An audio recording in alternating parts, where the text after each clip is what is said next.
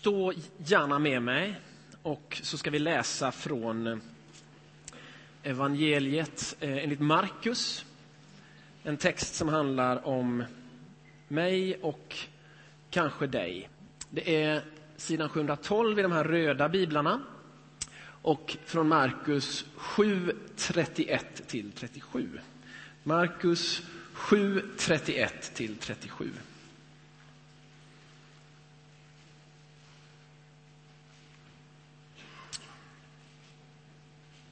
Sedan lämnade han trakten kring Tyros och gick över Sidon till Galileiska sjön i Dekapolisområdet. Där kom de till honom med en man som var döv och knappt kunde tala. Och de bad Jesus lägga sin hand på honom. Han tog honom avsides från folket och stack fingrarna i hans öron och spottade och rörde vid hans tunga.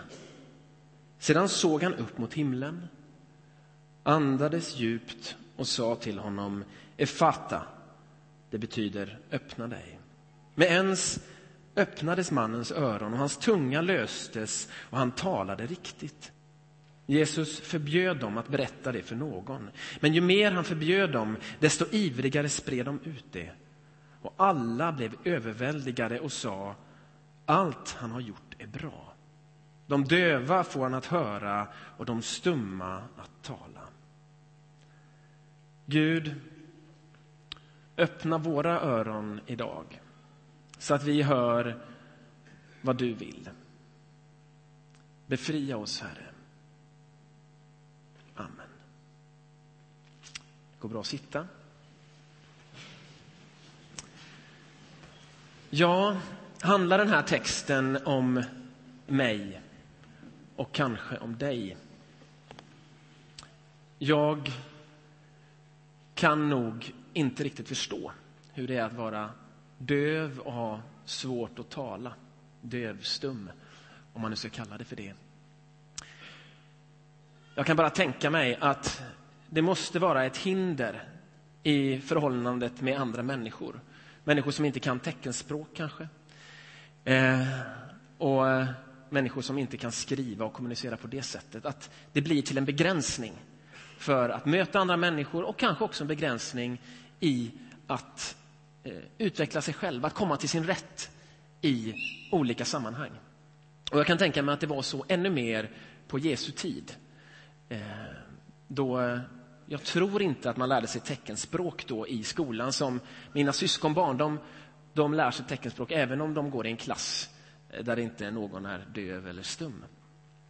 Eh, jag kan tänka mig att det var ett ännu större hinder där för att bli sig själv och hitta sig själv i det sammanhanget.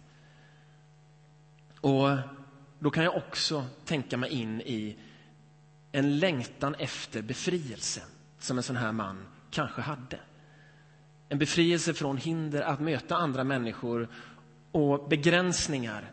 Frihet från begränsningar att komma till sin rätt att få blomma, få växa som man någonstans känner att man skulle kunna göra. Då handlar det om mig och kanske om dig. När jag var 18 och hade slutat gymnasiet precis så satte jag mig på ett tåg till Frankrike för att komma ifrån. För att komma ifrån familj och vänner, för att komma ifrån förväntningar för att komma ifrån mig själv, den jag hade blivit. Och jag kände en längtan efter att hitta mig själv, att bli fri. Jag skulle vara borta ett år. Jag skulle hitta mig själv. Och det var så skönt att höra dunket från rälsen, ni vet, när tåget lämnar Göteborgs central. Att bli fri. Samma frihet som kanske någon här inne kan känna igen sig som har lämnat sin hemort eller sin hemförsamling och bli fri från de här bilderna som har varit och liksom börja om. Och Det kan till och med vara så att man har varit tvungen att göra sig fri från en församlingsmiljö som man har vuxit upp i. Kyrkor och församlingar är inte alltid befrielsens plats. Det ska sägas. Vi håller på att ringa runt nu till församlingen eh, alla ska få ett samtal, alla medlemmar ska få ett samtal eh, där vi hör efter hur, hur är läget. Och det är en fantastisk eh, uppgift, det är fantastiskt att få ringa runt och få möta församlingen på så många olika sätt.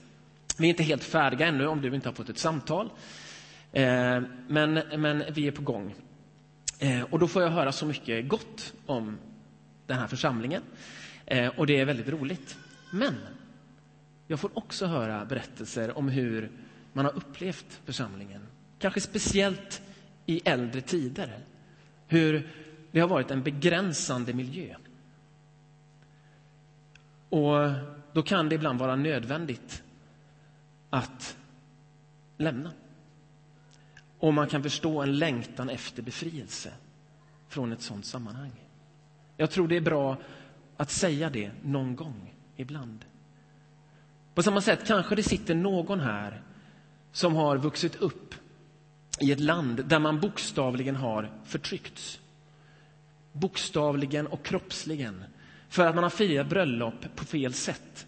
Eller för att man har gått med i ett demonstrationståg så har man fått slag, fängelse, tortyr eller insett att det är det som kommer att hända.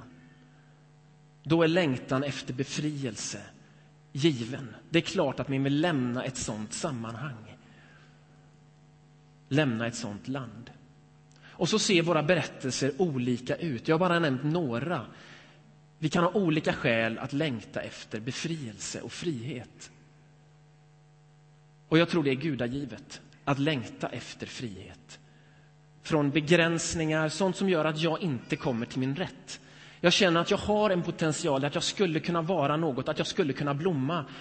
Och så händer det inte. Jag är hindrad. Jag längtar efter befrielse, så som den mannen här får möta befrielse. Frihet i Kristus. Men det räcker inte bara att bli fri från förtryck, hinder och begränsningar när jag hade lämnat Göteborg och jag skulle vara borta ett år så tog det inte så lång tid förrän jag strandade. Efter tre månader så hade jag fastnat i mitt eget fängelse. Jag var fri från relationer, fri från djupa samtal, viktiga, riktiga samtal. Jag pratade med folk om hur mycket baguetten kostade. Jag pratade med folk om att jag kunde låna lite gräsplätt för att slå upp mitt tält. Jag pratade med människor, men jag pratade inte med människor på riktigt. Jag var inte i interaktion med människor. Jag hade inga riktiga relationer. Och till slut så var det som att mina egna tankar återkom hela tiden som ett ekorrhjul. Hela tiden samma sak, samma sak. Jag var fri från. Men jag var inte fri att egentligen upptäcka mig själv. Jag var inte fri att älska eller att möta goda människor som talade till mig på riktigt. Och så misslyckades jag och så åkte jag hem. Och på samma sätt tror jag man kan uppleva det om man lämnar kyrkan, faktiskt. Det kan behövas lämnas, men man måste också hitta till någonting. En frihet till något, inte bara från något. Därför att livet med Gud, det kräver goda relationer. Att få växa med Gud det kräver att man har ställen där man kan be, dryfta sina tvivel, få någon som säger emot lite grann, som vägleder, som tröstar och uppmuntrar. Man kan få frihet från utan att faktiskt få frihet till ett nytt liv. Och det blir ju väldigt tydligt med de vänner jag har som kommer från ett annat land.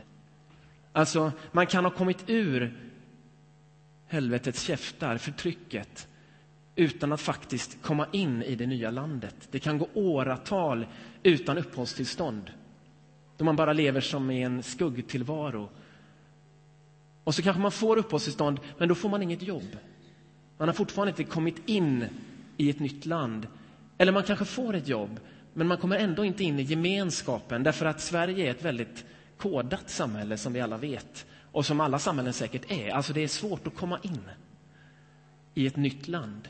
Man kan få frihet från förtryck utan att faktiskt få frihet till goda relationer, till kärlek, till en plats där jag får växa och bli den som jag skulle kunna bli.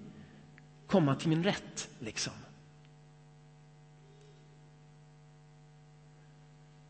Mannen i den här berättelsen, ja, han blir befriad från, det ser vi. Blir han också befriad till ett nytt liv? Med Gud, med andra människor?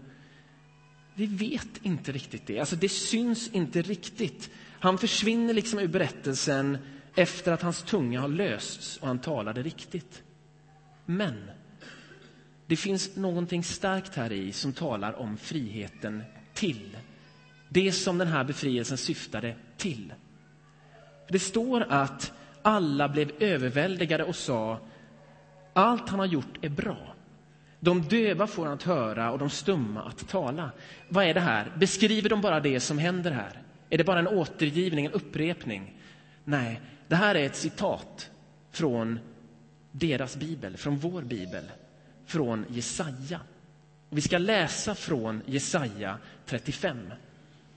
Jesaja 35, 1-10. Och det är sidan 509 i de här röda biblarna. Jesaja 35, 1-10. Det här som de gjorde när de beskrev det som hände det var inte bara en återbeskrivning, det var en tolkning. Det var att de satte in den här befriade mannen i ett sammanhang. I Guds historia med sitt folk. Hur ser den historien ut? Jo, men en viktig sida i den historien det är ju att Guds folk hade varit förtryckta och fångna. De hade varit förtryckta i Egypten. Och så hade Gud befriat dem från det förtrycket. Och så med viss fördröjning, 40 år, så hade han befriat dem till det förlovade landet, till Kanan. Jesaja handlar om att folket återigen är på väg in i ett förtryck. Att man skulle hamna i förtryck under de här stormakterna som fanns omkring det här lilla landet. Den babyloniska fångenskapen till slut. Och då lyfter Jesaja befrielsen till. Han lyfter den till ett nytt plan. Den här gången ska ni inte bara befrias till kanan. Ni ska bli befriad tillsammans med hela skapelsen, hela världen ska bli befriad när Guds kung kommer.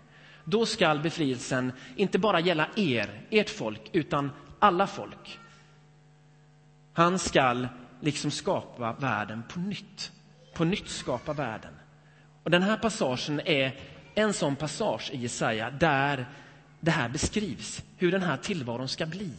Befrielsen till ett nytt liv, ett nytt land, en ny värld.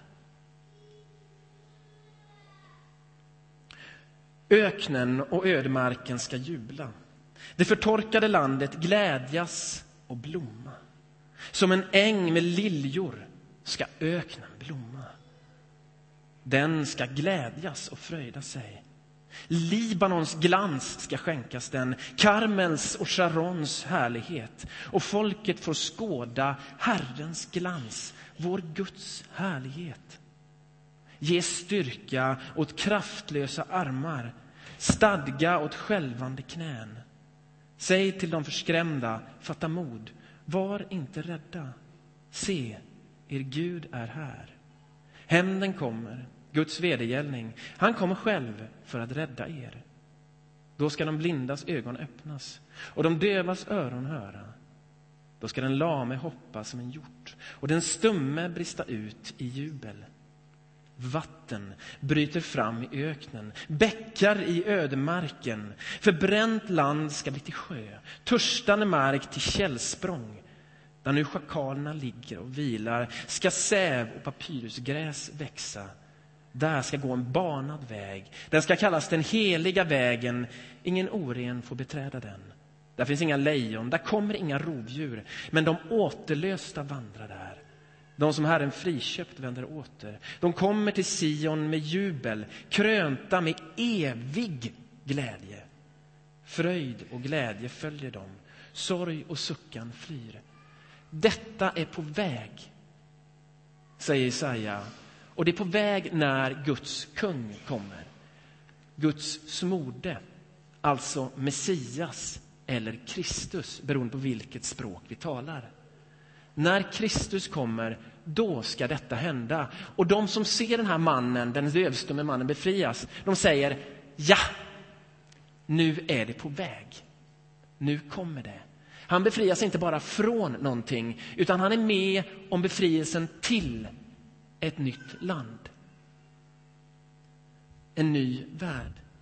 Och så tycker jag det är så kul att i den här texten där det talas om en ny verklighet, ny befriad verklighet, då hänvisar Jesaja till platser som är bekanta för de som lyssnar. Bland annat Libanon, Karmel och så Sharons härlighet. Eller Sarons härlighet, som det hette i den gamla översättningen. Sarons härlighet. Häromdagen så hörde jag frågan eh, varför heter ni Saronkyrkan? Och det är svårt att säga, ja men, men det är någon plats i, eh, i Palestina. Sådär. Det är inte vilken plats som helst, det är en plats som är fruktbar. Vi ska, vi ska se på Eh, en lite geografilektion här, om det är någon som inte kommer ihåg precis var Sarons slätt ligger. Så ser hela eh, det gammaltestamentliga området ut där Jesus verkade och så en liten närbild så att det blir lite tydligare. Den stora cirkeln där nere, det är Jerusalem, ligger liksom i mitten av den. Eh, Nasaret, eh, den lilla cirkeln, där han verkade och bodde, Jesus från Nasaret. Och så ser ni Galileiska sjön högst upp och, eh, och Döda havet eh, längst ner. Den avlånga liksom, ellipsen heter det, va? Ellips. Ehm, det är Sarons slättland som var känt för att det var så fruktbart. Det växte mycket där. Det ligger alltså mellan kan man säga dagens Tel Aviv och Karmel. Det slättlandet använder Jesaja för att peka på hur det ska bli. Sarons härlighet, Sarons fruktbarhet. Och rent historiskt, varför vi heter Saron, ja det beror på att några som var i ledningen för församlingen när den skapades på 30-talet, de fick detta som en uppenbarelse. Det, de kände i sina hjärtan att vi ska heta Saron. Men den gudomliga meningen med det är det är att det är en plats som är så fruktbar att den pekar på det som ska komma. Den befrielse som vi är på väg mot. Den som Jesus börjar införa när han säger nu är Guds rike här, nu är himmelriket här, nu är det på väg. Det är så vackert som Sarons härlighet. Och då tänker jag på er. Då tänker jag på oss. Hur vackra ni är. När vi går fram här om en stund och tar emot nattvard några böjer knä här och får förbön, några tänder ljus, några faller på knä, några blir sittande. Det är så vackert. Och för mig så är det ett tecken på det som ska komma. På den härlighet som är på väg. Det är myller av människor, den härlighet, den frihet som vi är på väg mot. Så skulle man kunna se på församlingen också, som ett tecken på det som är på väg.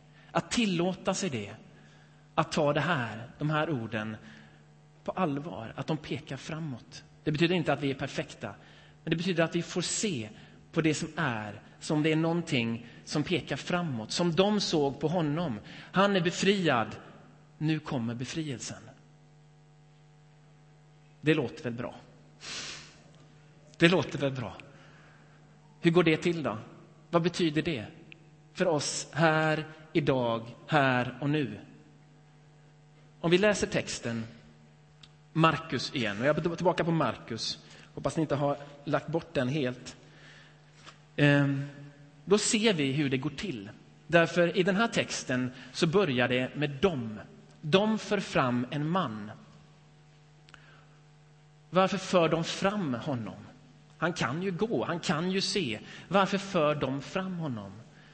Jag vet inte, men för mig är det en tröst att de för fram honom. Han som ska befrias, han som får befrielse, han kommer liksom inte själv. Precis som jag, som inte heller kommer själv, alltid. Jag kommer ofta för att jag ska. För att det är en vana, för att det är en god rutin. Jag går till huskyrkan, inte alltid för att jag längtar efter det, utan för att vi har bestämt det. Jag har lovat det. Jag förs också fram och det är okej. Okay.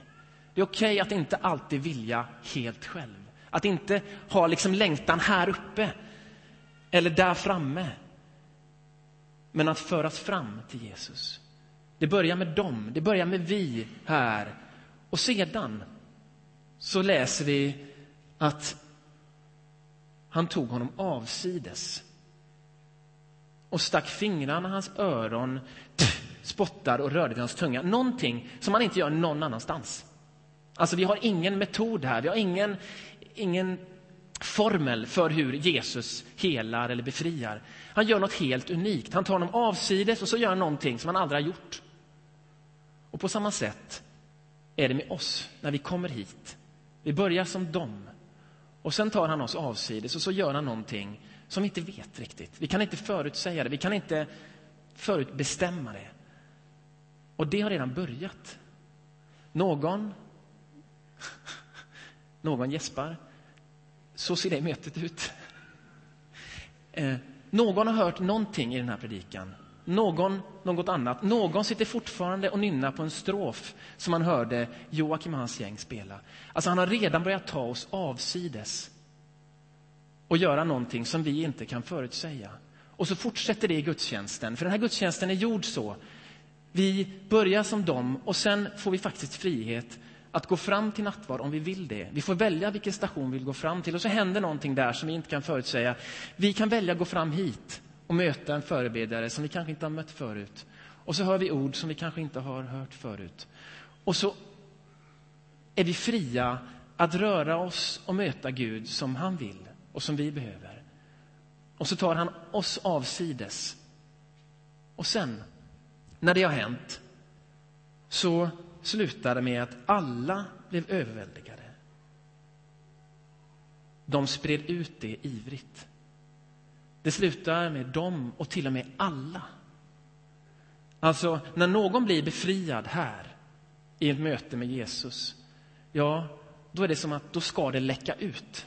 Det ska spridas vidare i rätt tid. Man behöver inte hålla på och berätta direkt när något har hänt. I rätt tid så behöver det föras vidare, därför att det uppmuntrar oss alla. Vi behöver höra att någon har blivit befriad och så behöver vi se det och se att ja, men nu är det på väg. Vår tro behöver det. Det börjar med dem, sen tar de oss åt sidan och sen ska alla få höra det. Det ska spridas vidare. Och Det är det vi ska göra nu. Vi ska fortsätta den rörelsen. Men en sak till vill jag säga. Och det är att det är gott när någon blir befriad från ett fysiskt eller psykiskt funktionshinder, från en begränsning. Men vi vet inte när det händer. Vi, vi kan inte bestämma det.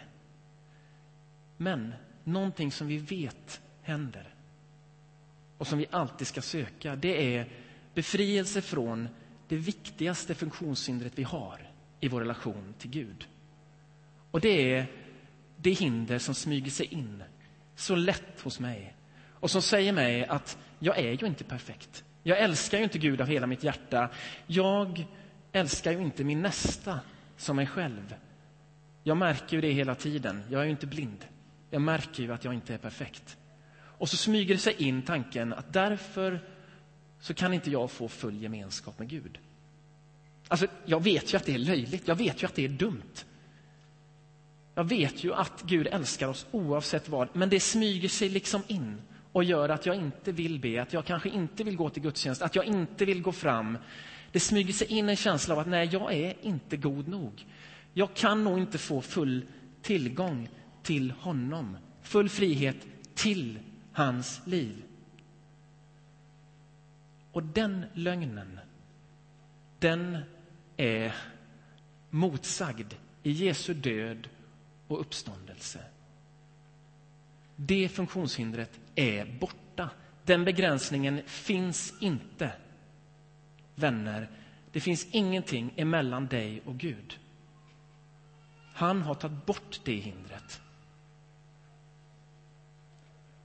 Och det som behövs för full frihet till ett liv med honom, det är att du bejakar den friheten.